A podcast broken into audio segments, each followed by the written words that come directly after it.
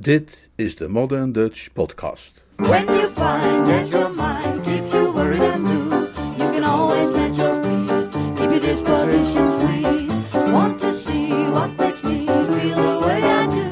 We're burning gas tonight on two good reasons why. Happy feet. Jeeves neemt de leiding.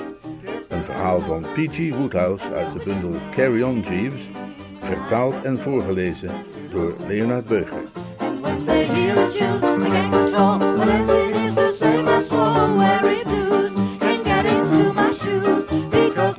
refuse to ever. Tja, over die brave Jeeves gesproken, mijn bediende, weet je wel. Wat zal ik ervan zeggen? Eh, Er zijn nogal wat mensen die vinden dat ik veel te afhankelijk van hem ben geworden. Mijn tante Agatha gaat zelfs zover dat ze hem mijn leidinggevende noemt. Nou ja, ik zeg, waarom niet? De man is een genie. Van boordenknoopje tot kruin is er niemand die zich met hem kan meten. Nog geen week nadat hij bij mij gekomen was, heb ik het opgegeven mijn eigen zaakjes te willen regelen. En dat is nu zo'n jaar of zes geleden. Direct na die malle geschiedenis met Florence Gray, dat, dat boek van mijn oom Willoughby en Edwin de Padvinder. Het begon eigenlijk allemaal toen ik terugkwam van mijn verblijf op Easby, het buitenhuis van mijn oom in Shropshire. Ik was daar voor een weekje of zo naartoe, zoals gewoonlijk in de zomer, maar ik had mijn bezoek moeten onderbreken en terug moeten keren naar Londen om een nieuwe persoonlijke bediende te zoeken. Ik had Meadows, de kerel die ik op Easby bij me had, erop betrapt mijn zijden sokken te stelen. Iets dat iemand met een beetje pit niet zomaar kan laten gebeuren. Het bleek bovendien dat hij links en rechts nog veel meer spulletjes achterover had gedrukt, zodat ik mij met frisse tegenzin genoodzaakt zag hem de laan uit te sturen en naar Londen te gaan om zo'n bureau dat erover gaat te verzoeken een ander exemplaar voor me op te duikelen en ter goedkeuring voor te leggen. En zij stuurde me Jeeves. De ochtend dat hij arriveerde zal ik nooit vergeten. De avond daarvoor was ik toevallig aanwezig geweest bij een nogal erg feestelijk etentje en ik voelde me behoorlijk wankel. Bovendien probeerde ik juist een boek te lezen dat Florence Gray me gegeven had. Zij was ook een van de mensen die op Eastby logeerde en twee of drie dagen voor ik daar wegging, hadden wij ons verloofd. Ik zou aan het eind van de week terugkomen en zij verwachtte ongetwijfeld dat ik dat boek tegen die tijd uit zou hebben. Ze was er namelijk bijzonder op gespitst, moet u weten, mij op te peppen tot ietsje dichter bij haar eigen intelligentieniveau. Zij was een meisje met een wonderschoon profiel, maar tot aan de bovenste nekwervel doordrenkt met serieuze principes. Ik kan u geen betere indruk geven van hoe de zaken gesteld waren dan door te zeggen dat het boek dat ze me te lezen had gegeven als titel droeg Typen van ethische doctrines.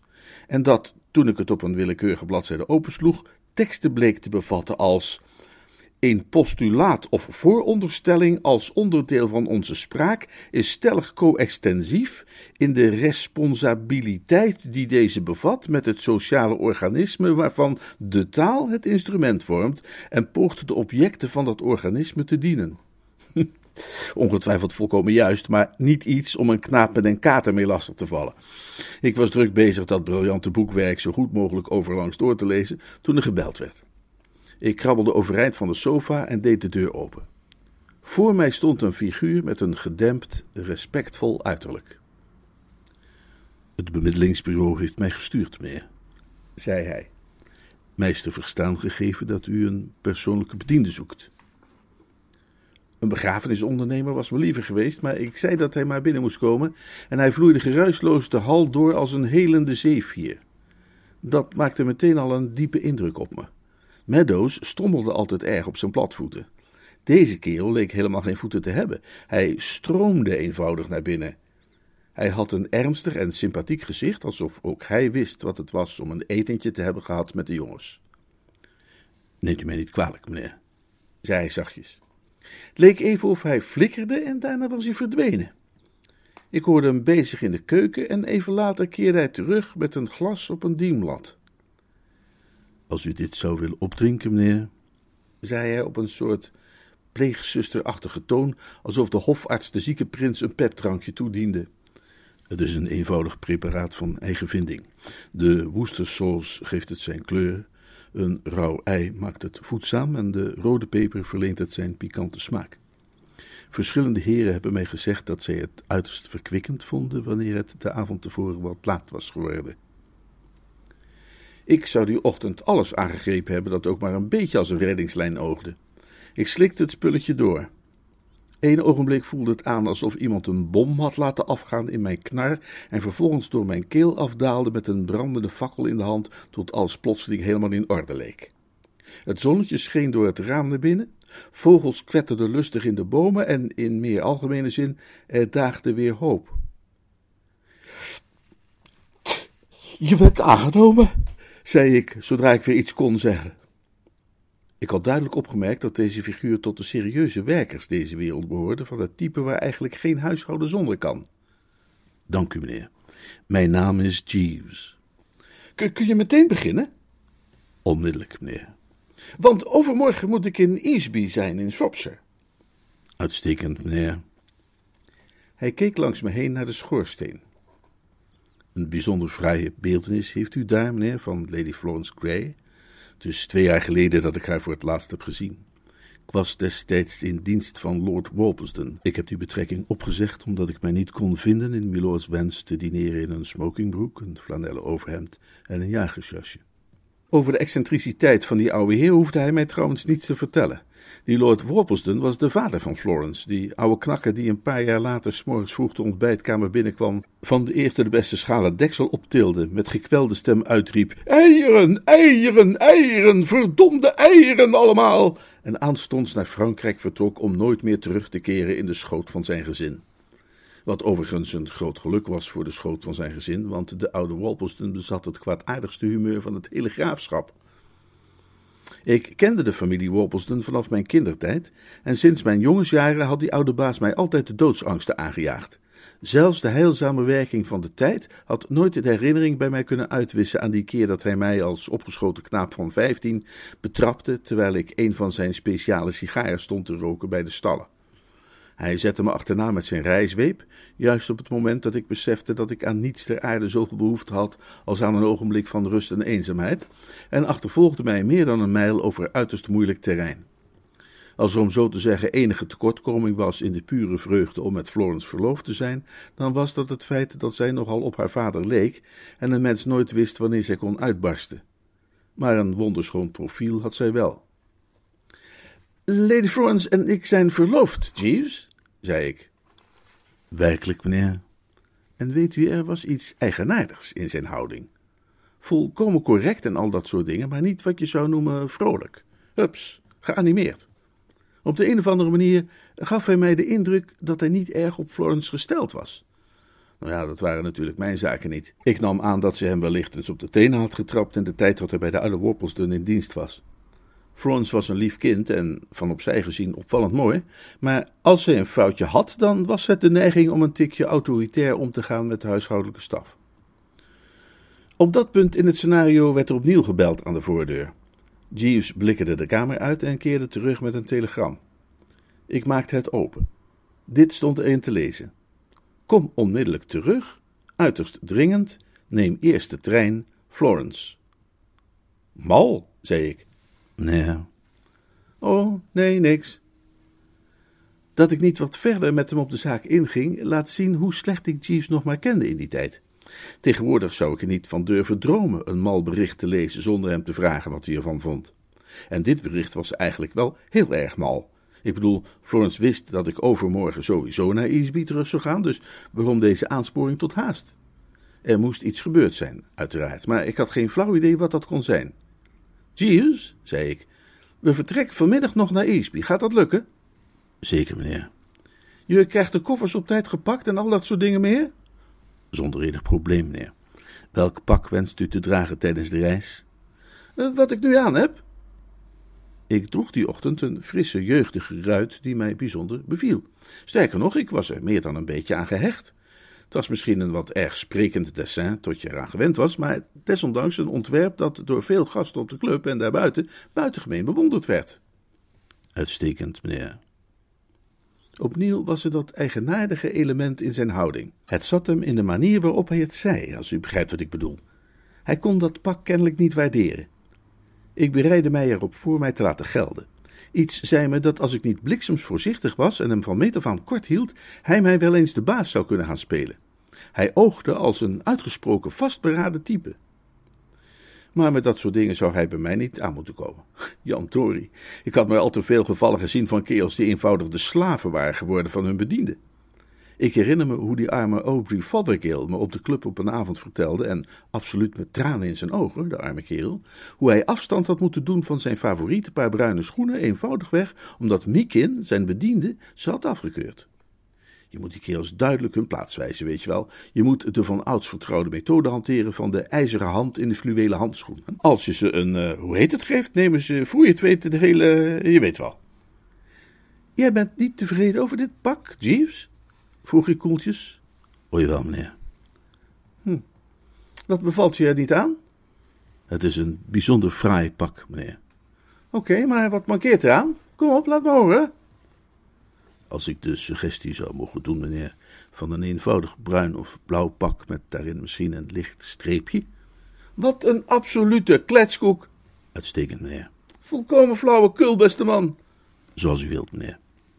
Ik voelde me een beetje alsof ik het laatste treedje van de trap had gemist. Een tikje opstandig of provocerend, terwijl er helemaal niets was om tegen in opstand te komen. Goed, dan uh, laten we het daarbij, zei ik. Ja, meneer. Hij ging vervolgens op pad om zijn spullen op te halen, terwijl ik de typen van ethische doctrines weer ter hand nam en een gooi deed naar het hoofdstuk getiteld Idiopsychologische ethiek. Tijdens de treinreis die middag vroeg ik mij bijna voortdurend af wat er daar ginds in hemelsnaam aan de hand kon zijn. Ik had geen flauw idee wat er gebeurd was. Easby was niet zo'n buitenhuis waarover je wel eens leest in populaire romans, waar jonge meisjes verleid worden om baccarat te spelen om zo van al hun juwelen beroofd te worden enzovoort. Nee, het gezelschap, zoals ik inderdaad achtergelaten, bestond geheel en al uit brave, gezagsgetrouwe types zoals ik. Bovendien, mijn oom zou eenvoudig niet toestaan dat dat soort dingen in zijn huis plaatsvond. Hij was nogal een stijve, nauwgezette oudere heer die op zijn rust was gesteld. Hij legde juist de laatste hand aan een familiegeschiedenis of iets dergelijks, waaraan hij het hele afgelopen jaar had gewerkt en vertoonde zich maar zelden buiten zijn bibliotheek.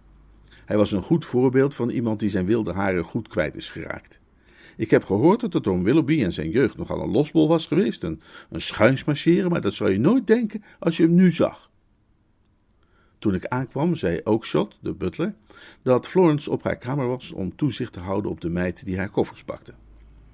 Het bleek dat er die avond een danspartij werd gehouden in een huis twintig mijl verderop en zij zou daarheen gaan met nog wat anderen die ook op Easby logeerden en een paar dagen wegblijven.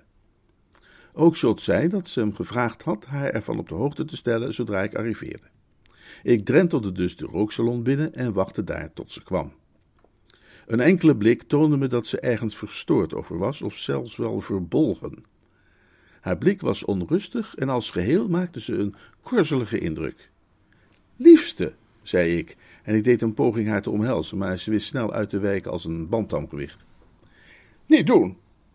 Wat is er mis? Alles is mis. Weet je nog, Bertie, dat jij mij vroeg toen je wegging om een beetje vriendelijk te zijn tegen je oom? Jazeker. Het idee daarachter was natuurlijk dat ik, aangezien ik in die tijd min of meer afhankelijk was van oom Willoughby, zonder zijn toestemming niet zou kunnen trouwen. En hoewel ik wist dat hij tegen Florence zeker geen bezwaar zou hebben, omdat hij haar vader gekend had toen ze samen in Oxford studeerden, nam ik liever geen risico. Daarom had ik haar gevraagd te proberen de oude heer een beetje te fascineren. Je zei dat hij het waarschijnlijk heel plezierig zou vinden als ik hem vroeg mij wat voor te lezen uit de familiegeschiedenis die hij aan het schrijven is. Ja, en vond hij dat dan niet leuk?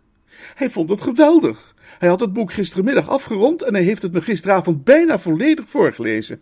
Ik ben in mijn hele leven nog niet zo gechoqueerd geweest. Dat boek is een groot schandaal, absoluut onmogelijk. Het is verschrikkelijk. Maar nou ja, zeg, zo verschrikkelijk is onze familie toch helemaal niet geweest? Maar het is helemaal geen familiegeschiedenis. Je oom heeft zijn persoonlijke memoires geschreven. Herinneringen uit een lang leven, wil hij het noemen. Ik begon het te begrijpen. Zoals ik al zei, oom Willoughby was als jonge man nogal van het Tabasco-type geweest, en het begon eruit te zien dat hij ook iets reuze pittigs had geproduceerd op basis van zijn herinneringen uit een lang en niet altijd zo keurig leven. Als zelfs maar de helft van wat hij geschreven heeft waar is, zei Florence, moet je oom in zijn jeugd werkelijk schandalig tekeer zijn gegaan. Hij begon gisteren met een schokkende passage voor te lezen over hoe hij en mijn vader bij een variététheater op straat werden gesmeten in 1887. Waarom? Dat weiger ik je te vertellen. Het moet iets behoorlijk ernstigs geweest zijn, want er was heel wat voor nodig eer je bij een variététheater werd buitengesmeten in 1887.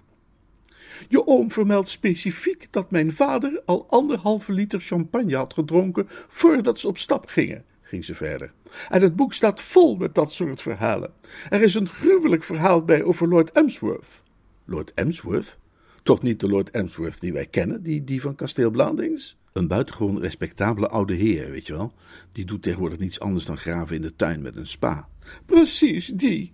Daarom is dat boek juist zo walgelijk. Het staat vol met verhalen over mensen die je kent en die stuk voor stuk op dit moment voorbeelden zijn van fatsoen, maar die zich kennelijk in de jaren tachtig, toen ze in Londen woonden, gedragen hebben op een manier die nog niet zou worden getolereerd in het vooronder van een walvisvaarder. En jouw oom lijkt zich wel alle schanddaden te herinneren die iedereen begaan heeft toen hij voor in de twintig was. Er staat een verhaal in over Sir Stanley Gervais Gervais van Rocheville Gardens, dat is uitgewerkt tot in de meest walgelijke details. Het schijnt dat Sir Stanley. eh, nee, maar nee, dat, dat, dat kan ik je niet vertellen. Ach, probeer het. Nee. Nou, ik zou me daar niet al te druk over maken, want als het echt zo erg is, zal toch geen uitgever het willen publiceren. Integendeel. Je oom vertelde me dat de onderhandelingen al helemaal achter de rug zijn en dat hij het manuscript morgenochtend opstuurt naar Riggs en Ballinger voor onmiddellijke publicatie. Die zijn gespecialiseerd in dat soort boek. Die hebben ook Lady Carnaby's Terugblik op 80 spannende jaren uitgegeven. Oh, dat heb ik gelezen. Nou, als ik jou dan zeg dat Lady Carnaby's terugblik in de verste verte nog niet zo erg is als jouw ooms herinneringen, dan zul je begrijpen hoe ik mij voel.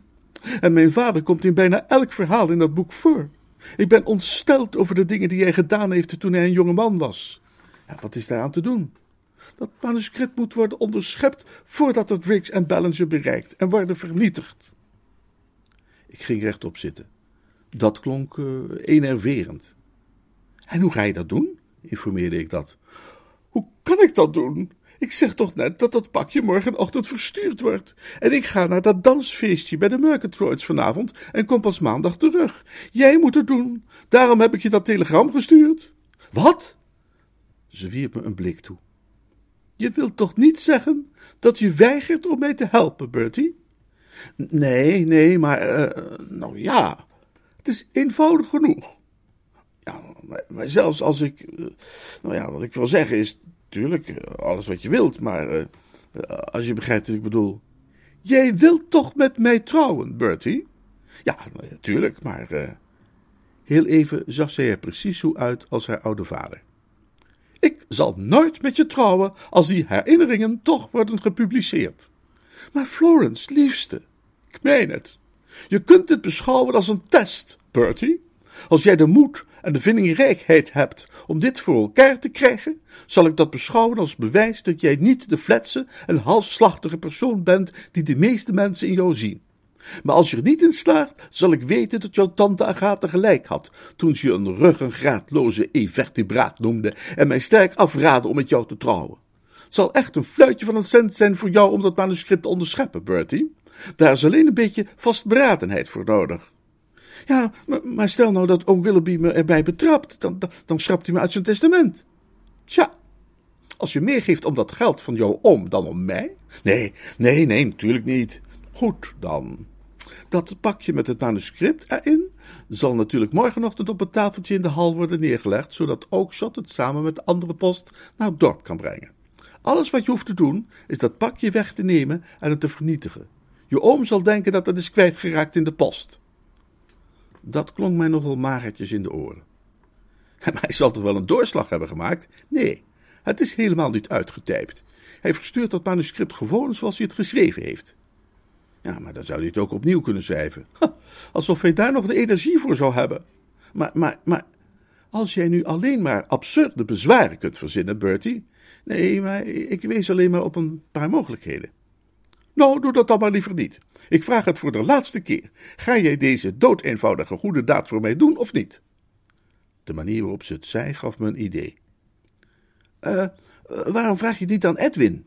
Uh, dan, dan houd je het een beetje in de familie, weet je wel. En bovendien, uh, dat joch zou het te gek vinden. Het leek mij persoonlijk een flitsend idee. Edwin was haar jongste broertje, die zijn vakantie doorbracht op Easby. Het was een knulletje met een fretachtig smoeltje waar ik al sinds zijn geboorte een hekel aan had. En nu we het toch over herinneringen en terugblikken hebben. Het was die vervloekte kleine Edwin geweest die negen jaar geleden zijn vader naar het plekje had gebracht waar ik diens sigaar stond te roken en die zo al die ellende veroorzaakt had. Hij was nu veertien en sinds kort bij de padvinderij. Hij was zo'n deugdzaam knaapje dat zijn verantwoordelijkheden serieus nam, altijd en eeuwig gestrest omdat hij telkens achterraakt op schema wat zijn dagelijkse goede daden betreft. Hoe goed hij ook zijn best deed, hij bleef maar achterlopen en altijd weer vond je hem rondstruinen in en om het huis op zoek naar gelegenheden om weer op schema te komen, waardoor Easby langzamerhand in een hel was veranderd voor mens en dier. Het idee leek Florence niet erg aan te spreken. Daar pieker ik niet over, Bertie. En ik snap eigenlijk niet dat jij het niet als een compliment kunt zien dat ik jou deze taak toevertrouw. Oh nee, maar dat, dat snap ik wel hoor. Alleen wat ik bedoel eh, is dat Edwin dat zoveel beter zou kunnen doen dan ik. Hè? Die, die, die padvinders zijn gewend aan dat soort missies. Die, die sluipen en speuren, weet je wel. En tijgeren en zoeken dekking en dat soort dingen meer. Bertie, wil jij nu wel of niet dit volstrekt onbeduidende dingetje voor mij doen of niet? Indien niet, zeg het dan maar liever meteen. Dan kunnen we in één moeite door een eind maken aan de schijnvertoning dat je ook maar een snars om mij geeft. Maar mijn lieve kind, ik hou van jou met heel mijn hart. Dus, wil jij nu wel of niet? Oké, oké, het is al goed. Al goed. Al goed. En ik struinde er vandoor om hierover na te denken. In de gang stuitte ik op Jeeves. Neemt u mij niet kwalijk, meneer. Ik was juist naar u op zoek. Wat is er aan de hand? Ik vrees u te moeten meedelen, meneer, dat iemand zwarte schoensmeer heeft versmeerd op onze bruine wandelschoenen. Wat? Wat? Wie? Waarom? Ik zou het u niet kunnen zeggen, meneer. Valt er nog iets aan te doen? Nee, meneer. Zakker, u. Uitstekend, meneer. Ik heb me sindsdien vaak afgevraagd hoe die moordenaarfiguren een beetje in vorm blijven terwijl ze een nieuw bloedbad aan het plannen zijn. Ik had een veel makkelijker klus in het vooruitzicht, maar de gedachte daaraan maakte me al dusdanig van streek tijdens de nachtelijke uren, dat ik de volgende dag een compleet wraak was. Ik had donkere kring onder mijn ogen, ik zweer het. Ik moest Jeeves te hulp roepen met zijn levensreddende medicament. Vanaf het ontbijt voelde ik mij als een tasjesdief in een stationshal. Ik moest afwachten tot dat pakje op het tafeltje in de hal werd gedeponeerd, maar dat gebeurde niet. Oom Willoughby zette geen stap buiten de bibliotheek, waar hij, naar ik aannam, de finishing touches aanbracht aan zijn chef d'oeuvre.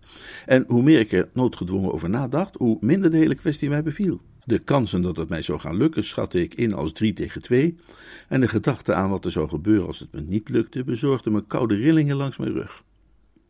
Oom Willoughby was een vriendelijke oude heer in de regel, maar ik heb hem ook wel eens woedend meegemaakt en Jan Dory, hij zou ongetwijfeld behoorlijk uitpakken wanneer hij er mij op zou betrappen er vandoor te gaan met zijn levenswerk. Het duurde tot bijna vier uur voordat hij de bibliotheek kwam uitgekuierd met dat pakje onder zijn arm, waarna hij het op het tafeltje legde en weer terugkuierde. Ik hield mij op dat moment een klein eindje naar het zuidwesten schuil achter een harnas dat daar stond opgesteld, en ik sprong tevoorschijn en haastte me naar het tafeltje. Vervolgens spurte ik naar boven om de buiten te verbergen. Ik stormde mijn kamer binnen met de snelheid en wendbaarheid van een ongetemd paard en struikelde bijna over die verdomde Edwin, de padvinder. Hij stond voor mijn ladekast en was snot voor drie aan het rommelen met mijn dassen.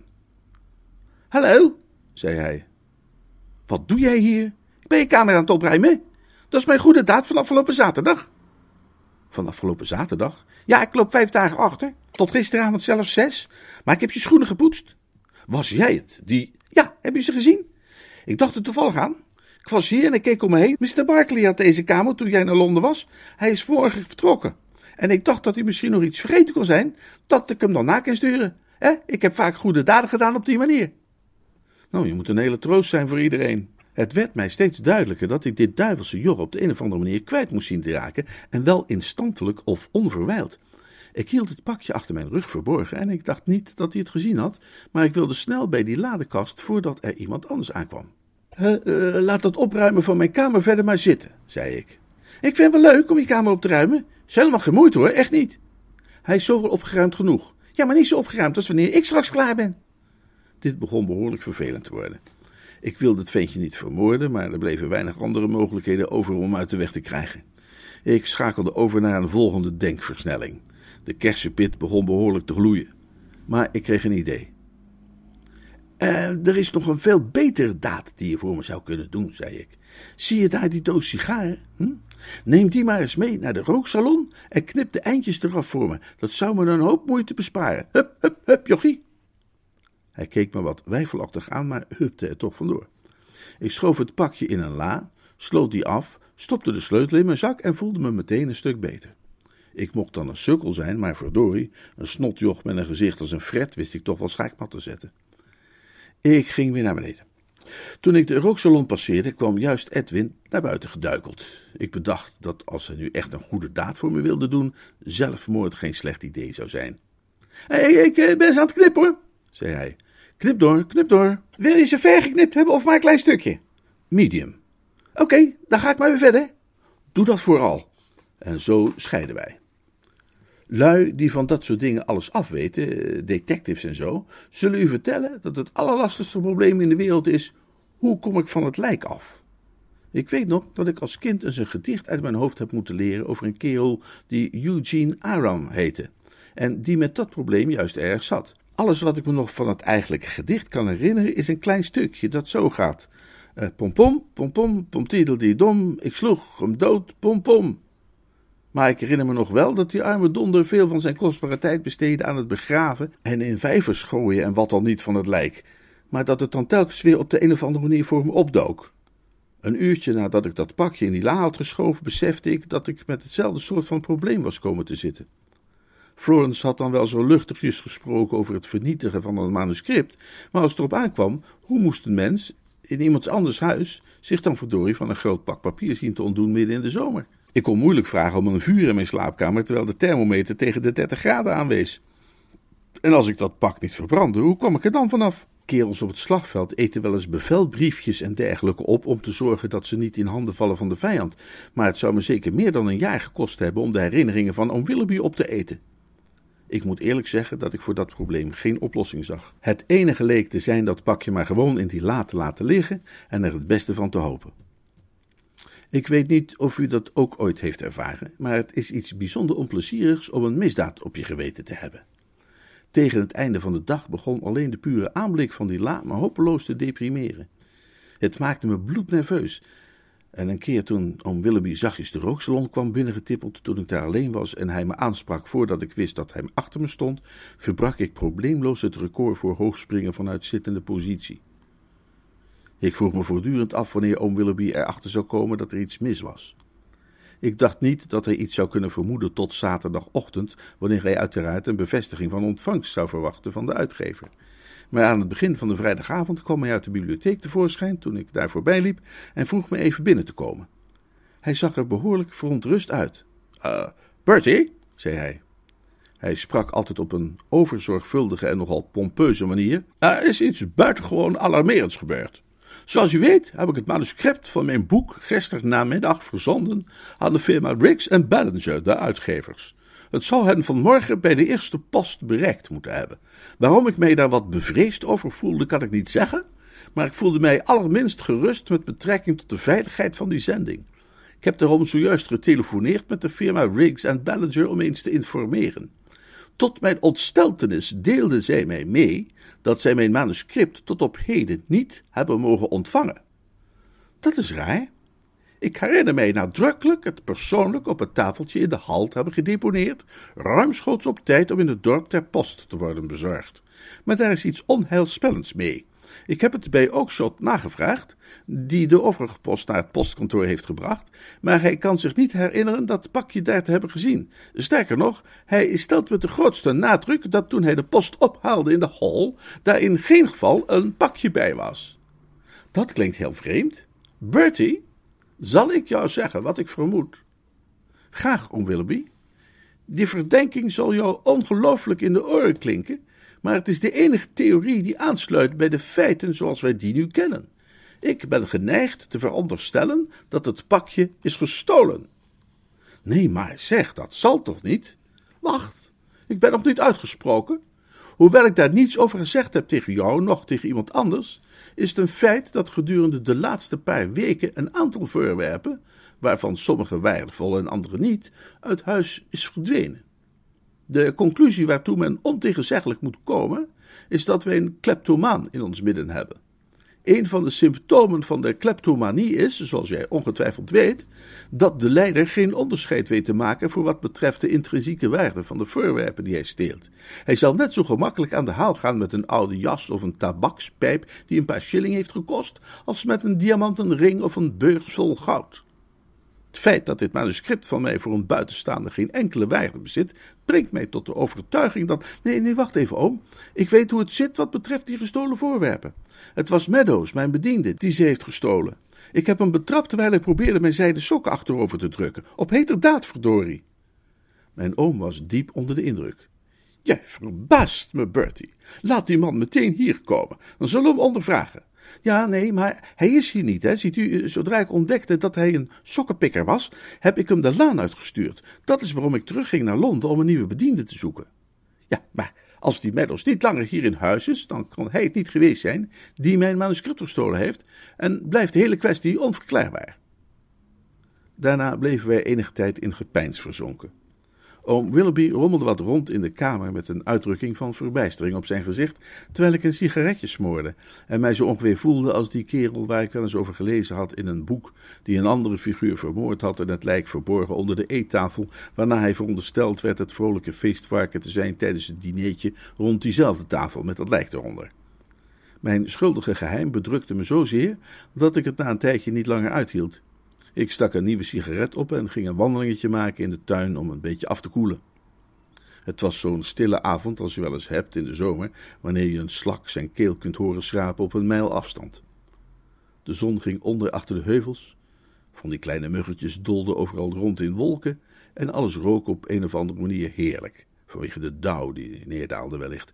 En ik begon juist een beetje te kalmeren dankzij de vredige atmosfeer, toen ik plotseling iemand mijn naam hoorde zeggen. Het gaat over Bertie. Het was het afgrijselijke stemgeluid van dat donderse ventje Edwin. Op het eerste moment wist ik niet waar het vandaan kwam, maar toen besefte ik dat het uit de bibliotheek moest komen. Mijn wandelingetje had me tot op een paar meter van het open raam gebracht. Ik had me vaak afgevraagd hoe die types in boeken dat doen. Ik bedoel die kerels die altijd in een oogwenk tien dingen doen waarvoor je normaal voor elk apart al minutenlang nodig hebt. Maar het was werkelijk waar dat ik zelf dit keer kans zag om in een oogwenk mijn sigaret weg te gooien, een potje te vloeken, tien meter in een enkele sprong te overbruggen en weg te duiken in de bosjes onder het raam van de bibliotheek en daar te gaan staan met mijn oren op steeltjes. Ik was er zo zeker van als wat ook dat allerlei ellendigs op handen was. Over Bertie? Hoorde ik oom Willoughby vragen. Ja, over Bertie en uw pakje. Volgens mij heeft hij het. Als ik u vertel dat juist op het moment dat ik die afschuwelijke woorden vernam, een behoorlijk omvangrijke tor of kever vanuit de takken van het bosje langs mijn nek naar binnen kroop en ik mij niet kon bewegen om het beest te vermorzelen, zult u begrijpen dat ik mij behoorlijk beroerd voelde. Alles leek tegen mij te zijn. Wat bedoel je, jongen? Ik heb zojuist de verdwijning van mijn manuscript met Bertie besproken en hij toonde zich net zo verbijsterd over dat geheimzinnig gebeuren als ik. Nou, ik was gistermiddag in zijn kamer om een goede daad voor hem te doen en, en, en toen kwam hij net binnen met een pakje. Hij probeerde het wel achter zijn rug te verstoppen, maar ik zag het toch. En, en, toen vroeg hij mij om naar de rooksalon te gaan en daar wat sigaren voor hem bij te knippen. En, en twee minuten later kwam hij zelf naar beneden en hij had niks bij zich. Dus moet dat pakje in zijn kamer zijn. Ik begrijp dat ze die verdomde padvinders opzettelijk leren om hun vermogens te trainen van observatie en deductie en wat al niet. Bliksems lichtvaardig en onnadenkend van ze, noem ik dat. Kijk maar eens welke problemen dat veroorzaakt. Dat klinkt mij nogal ongeloofwaardig in de oren, zei oom Willoughby, waarmee hij mij een klein beetje een hart onder de riem stak. Zal, zal ik eens in zijn kamer gaan kijken? vroeg het verdomde ventje Edwin. Ik weet zeker dat dat pakje daar ligt. Maar wat zou zijn motief kunnen zijn om een dergelijke wonderlijke diefstal te plegen? Nou, misschien is hij wel een, uh, wat ik net zei, een kleptomaan. Onmogelijk. Het zou best zo kunnen dat, dat Bertie van het begin af aan al die dingen heeft weggenomen, opperde dat kleine stuk geboefte hoopvol. Misschien is hij wel net, net als Raffles. Raffles? Een figuur in een boek die overal zomaar dingen jatte. Nou, ik kan niet geloven dat Bertie zomaar uh, overal dingen zou gaan uh, jatten. Nou, maar dat pakje heeft hij zeker, dat, dat, dat weet ik. Ik zal het zeggen wat u zou kunnen doen. U zou kunnen zeggen dat Mr. Barkley een telegram heeft gestuurd dat hij iets heeft laten liggen. Hij had namelijk hiervoor Bertie's kamer. U zou kunnen zeggen dat u daar even naar wilde zoeken. Ja, dat is natuurlijk wel mogelijk. Ehm, De rest van hun gesprek wachtte ik niet af. Het werd me een tikje te heet. Ik sloop stilletjes de brosjes uit en speurde naar de voordeur. Ik snelde de trap op naar mijn kamer tot bij de la waar ik het pakje had opgeborgen. Om daar te ontdekken dat ik de sleutel niet had.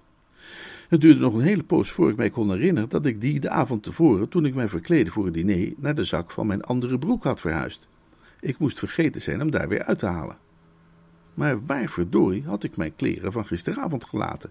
Ik had al overal gezocht voordat het mij te binnen schoot dat Jeeves die moest hebben meegenomen om af te borstelen. Een sprong naar de bel en daarop te drukken was voor mij opnieuw het werk van een oogwenk. Ik had mijn vinger nog niet op de knop toen er voetstappen klonken op de gang en oom Willoughby mijn kamer binnenkwam. Oh, Bertie, zei hij, zonder zelfs maar te blozen. Ik uh, heb een telegram gekregen van meneer Barkley, die deze kamer had voordat jij kwam, met de vraag of ik hem zijn, uh, zijn sigarettenkoker wilde opsturen, die hij, naar het schijnt, per ongeluk hier heeft uh, moeten laten liggen. Ik kan hem beneden niet vinden. Ik dacht erom dat hij misschien nog hier op jouw uh, kamer lag. ik, kijk, ik kijk alleen even rond, als je het niet erg vindt. Het was een van de meest walgelijke scènes die ik ooit heb bijgewoond om een grijsaard als hij, wiens gedachten toch naar het hiernamaals diende uit te gaan, hier te zien staan liegen als een acteur. Ik heb hem nergens gezien, zei ik. Toch kijk maar even rond. Ik wil, uh, ik wil alle moeite gedaan hebben. Als hij hier lag, zou ik hem toch hebben moeten zien, dacht u niet? Hij zou aan je aandacht ontsnapt kunnen zijn, uh, wellicht uh, in een van deze laden. Hij begon rond te neuzen. Hij trok de ene laan na de andere open, snuffelde als een oude bloedhond en ondertussen babbelend over Barkley en zijn sigarettenkoker op een manier die mij trof als uiterst weerzinwekkend. En ik stond daar maar iedere seconde meer gewicht te verliezen. Ten slotte kwam hij bij de la waar het pakje in lag. Deze la zit kennelijk op slot, zei hij, terwijl hij met het hengsel rammelde. Uh, ja, over die la zou ik me trouwens maar uh, niet druk maken. Die, die zit op slot en dat soort dingen meer. Heb jij daar de sleutel niet van? Achter mij klonk een zachte, respectvolle stem. Ik neem aan, meneer, dat dit de sleutel zal zijn die u zoekt. Hij zat in de zak van uw andere broek. Het was Jeeves. Hij was binnengekuierd met mijn avondkleding over zijn arm en strekte zijn hand uit met de sleutel erin. Ik zou de man vermoord kunnen hebben. Dank je, zei mijn oom. Tot uw dienst, meneer. Het volgende ogenblik had oom Willoughby de la geopend. Ik sloot mijn ogen. Nee, zei oom Willoughby. Hier zit iets in. Die la is leeg. Dank je, Bertie. Ik hoop dat ik je niet heb gestoord. Ik denk dat uh, Barkley zijn sigarettenkoker toch mee moet hebben genomen. Ik sloot de deur zorgvuldig achter hem en wendde mij tot Jeeves. Hij was bezig mijn kleren voor die avond klaar te leggen. Uh, uh, Jeeves? Nee. Heb jij, uh, lacher, heb jij misschien... Ik heb het pakje van morgen verwijderd, meneer. Oh, aha. Waarom? Voorzichtigheidshalve, meneer. Ik peinsde even. Ja, ja, ja, ja. Ik, ik neem aan dat jou dit allemaal natuurlijk maar vreemd voorkomt, Jeeves. Volstrekt niet, meneer. Ik heb u onlangs bij toeval de kwestie samen met Lady Florence horen bespreken, meneer. Oh, oh, is, is dat zo, Jan Dory? Ja, meneer. Tja, uh, Jeeves, uh, mij lijkt alles bij elkaar als jij nu, uh, bij wijze van spreken, dat, dat pakje wat bij zou willen houden totdat wij weer in Londen zijn. Precies, meneer. Dan zouden we het daar, om zo te zeggen, ergens weg kunnen gooien, toch? Exact, meneer. Ik, ik laat dat dan verder in jouw handen? Volkomen, meneer. Weet je, Jeeves, jij bent toch eigenlijk wel een topper? Ik streef immer naar uw tevredenheid, meneer. Eén op de miljoen, Jan Dory. Het is bijzonder vriendelijk van u om dat te zeggen, meneer. Nou ja, dat, dat, dat is het dan verder, geloof ik. Uitstekend, meneer. Florence kwam maandags terug. Ik zag haar niet eerder dan toen wij smiddags met het hele gezelschap thee dronken, en pas toen de menigte weer zo'n beetje verdwenen was, kregen wij de kans even samen te praten. En, Bertie? vroeg ze. Het is in orde. Je hebt het manuscript vernietigd? Nou, dat niet precies, maar wat bedoel je? Ik bedoel, ik heb het niet letterlijk. Bertie, je gedraagt je ontwijkend. Nee, het is helemaal in orde. Het, het zit zo. En ik stond juist op het punt om haar de hele zaak uit de doeken te doen, toen opeens oom Willoughby uit de bibliotheek opdook met de blije toet van een tweejarige. De oude baas was plotseling een ander mens. Iets hoogst opmerkelijks, Bertie. Ik had zojuist Mr. Riggs aan de telefoon en hij vertelde me dat hij mijn manuscript vanmorgen bij de eerste post alsnog heeft ontvangen. Ik heb geen idee wat de vertraging kan hebben veroorzaakt. De service van de posterij is wel bijzonder gebrekkig hier op het platteland. Ik zal een brief op poten sturen naar de directie van de postdienst. Het is onverdraaglijk toch dat waardevolle pakjes dermate vertraagd raken. Ik keek op dat moment juist naar Florence's profiel, maar nu wendde zij zich naar mij toe en trof mij met een blik die dwars door mij heen ging als een mes. Oom Willoughby zigzagde terug naar de bibliotheek en er viel een stilte waar je stukjes uit zou hebben kunnen scheppen met een lepel. Ik uh, begrijp er niets van, zei ik tenslotte.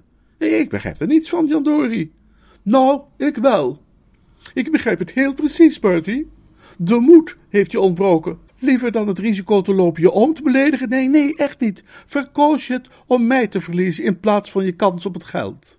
Je dacht misschien dat ik niet meende wat ik zei, maar ik meende er ieder woord van. Onze verloving is ten einde. Maar, maar, nou ja zeg, geen woord meer. Maar Florence, lieveling, ik wil er niets meer van horen. Ik, ik zie nu in dat je tante Agatha volkomen gelijk had. Ik heb geluk gehad dat ik tijdig uit deze situatie ontsnapt ben. Er is een tijd geweest dat ik dacht dat ik jou met veel geduld nog wel tot iets fatsoenlijks zou kunnen kneden. Ik zie nu in dat jij werkelijk onmogelijk bent. Ze ging er vandoor en liet mij achter te midden van de scherven. Toen ik die tot op zekere hoogte bij elkaar geveegd had, ging ik naar mijn kamer en belde om Jeeves. Hij kwam binnen met een gezicht alsof er niets gebeurd was of ooit zou kunnen gebeuren. Hij oogde als het kalmste dier ooit gevangen. Jeeves, Jeeves, dat, dat pakje is in Londen aangekomen. O ja, meneer. Heb jij dat verstuurd? Ja, meneer. Met de beste bedoelingen, meneer. Ik denk dat Lady Florence en u het gevaar ervan hebben overschat dat mensen zich beledigd zouden kunnen voelen wanneer zij genoemd worden in de herinneringen van Sir Willoughby. Naar mijn ervaring, meneer, zijn mensen in doorsnee er juist trots op hun naam in druk te zien, onafhankelijk van wat er over hen geschreven wordt.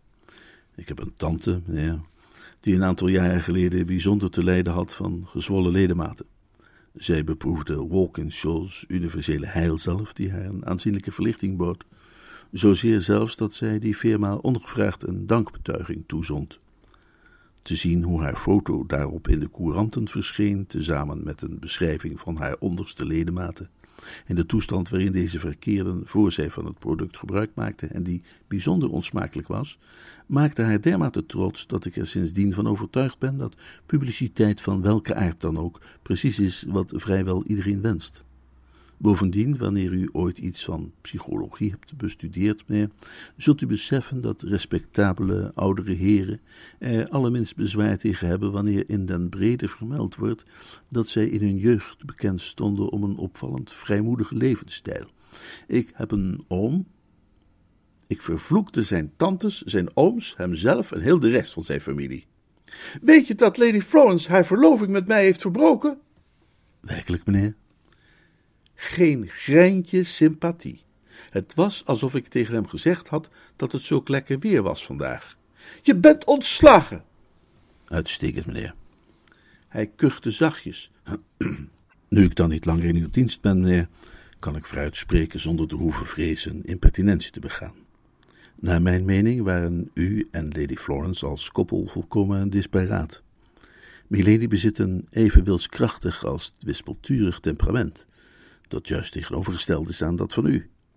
Ik ben bijna een jaar in dienst geweest van Lord Worplesdon, tijdens welke periode ik ruimschoots de gelegenheid heb gekregen Milady's karakter te bestuderen. In de bediendenkamer was de mening omtrent haar weinig positief. Milady's humeur gaf ampele aanleiding tot ongunstig commentaar vanuit het personeel. Zij gedroeg zich regelmatig volkomen onmogelijk. U zou niet gelukkig met haar zijn geweest, meneer. Maak dat je wegkomt! Ik vermoed dat u ook haar educatieve methoden uiteindelijk weinig op prijs had kunnen stellen, meneer. Ik heb een blik geworpen op het boek dat Milady u geschonken heeft. Het lag sinds onze aankomst hier op tafel en het is naar mijn mening volkomen ongeschikt. U zou er geen plezier in hebben gevonden. Voorts heb ik van Milady's kamermeisje iets vernomen dat zij toevallig had meegekregen van een gesprek tussen Milady en een van de gasten hier, Mr. Maxwell, die op de redactie van een der literair kritische tijdschriften werkzaam is. Namelijk dat het haar bedoeling was u al zeer binnenkort het werk van Nietzsche voor te leggen. Ook Nietzsche zou u geen genoegen hebben geboden, meneer. Hij is fundamenteel ondeugdelijk. Maak dat je wegkomt.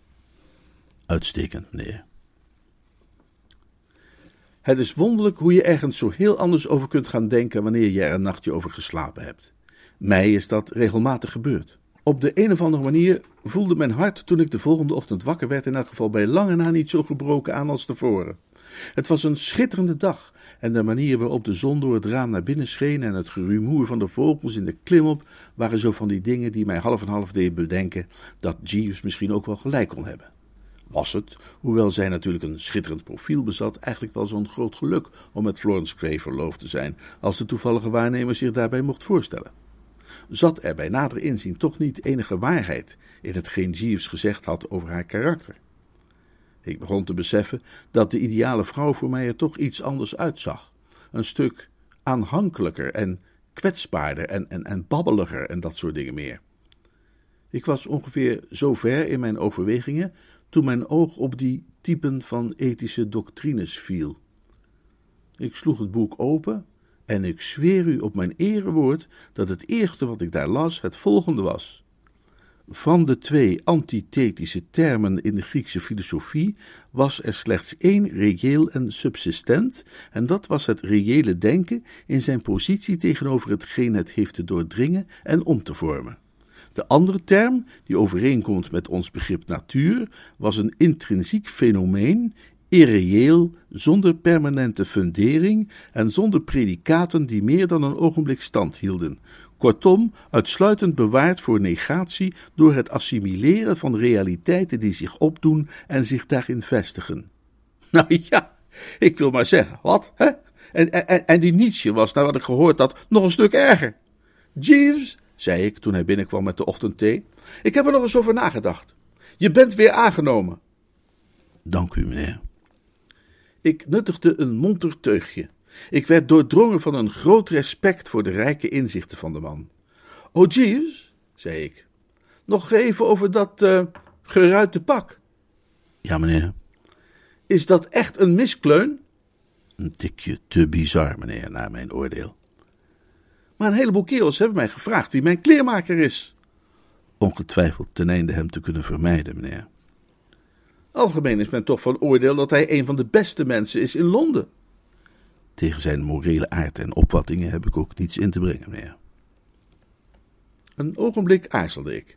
Ik had het gevoel dat ik mij overgaf in de klauwen van deze figuur en dat als ik nu toegaf, ik net zo zou worden als die arme Aubrey Fothergill, niet langer de bezitter van mijn eigen ziel. Aan de andere kant ging het hier overduidelijk om een man met een zeldzame intelligentie, en het zou op allerlei manieren een reuze troost en een groot gemak zijn om hem het denkwerk voor mij te laten doen. Ik nam een besluit. Goed dan, Jeeves, zei ik. Jij hebt er verstand van. Geef dat bliksemse pak dan maar weg aan iemand. Hij blikte op meneer als een vader die zijn balorig kind liefhebbend beziet. Dank u, meneer. Ik heb het gisteravond aan de ondertuinman gegeven. Nog wat thee, weer.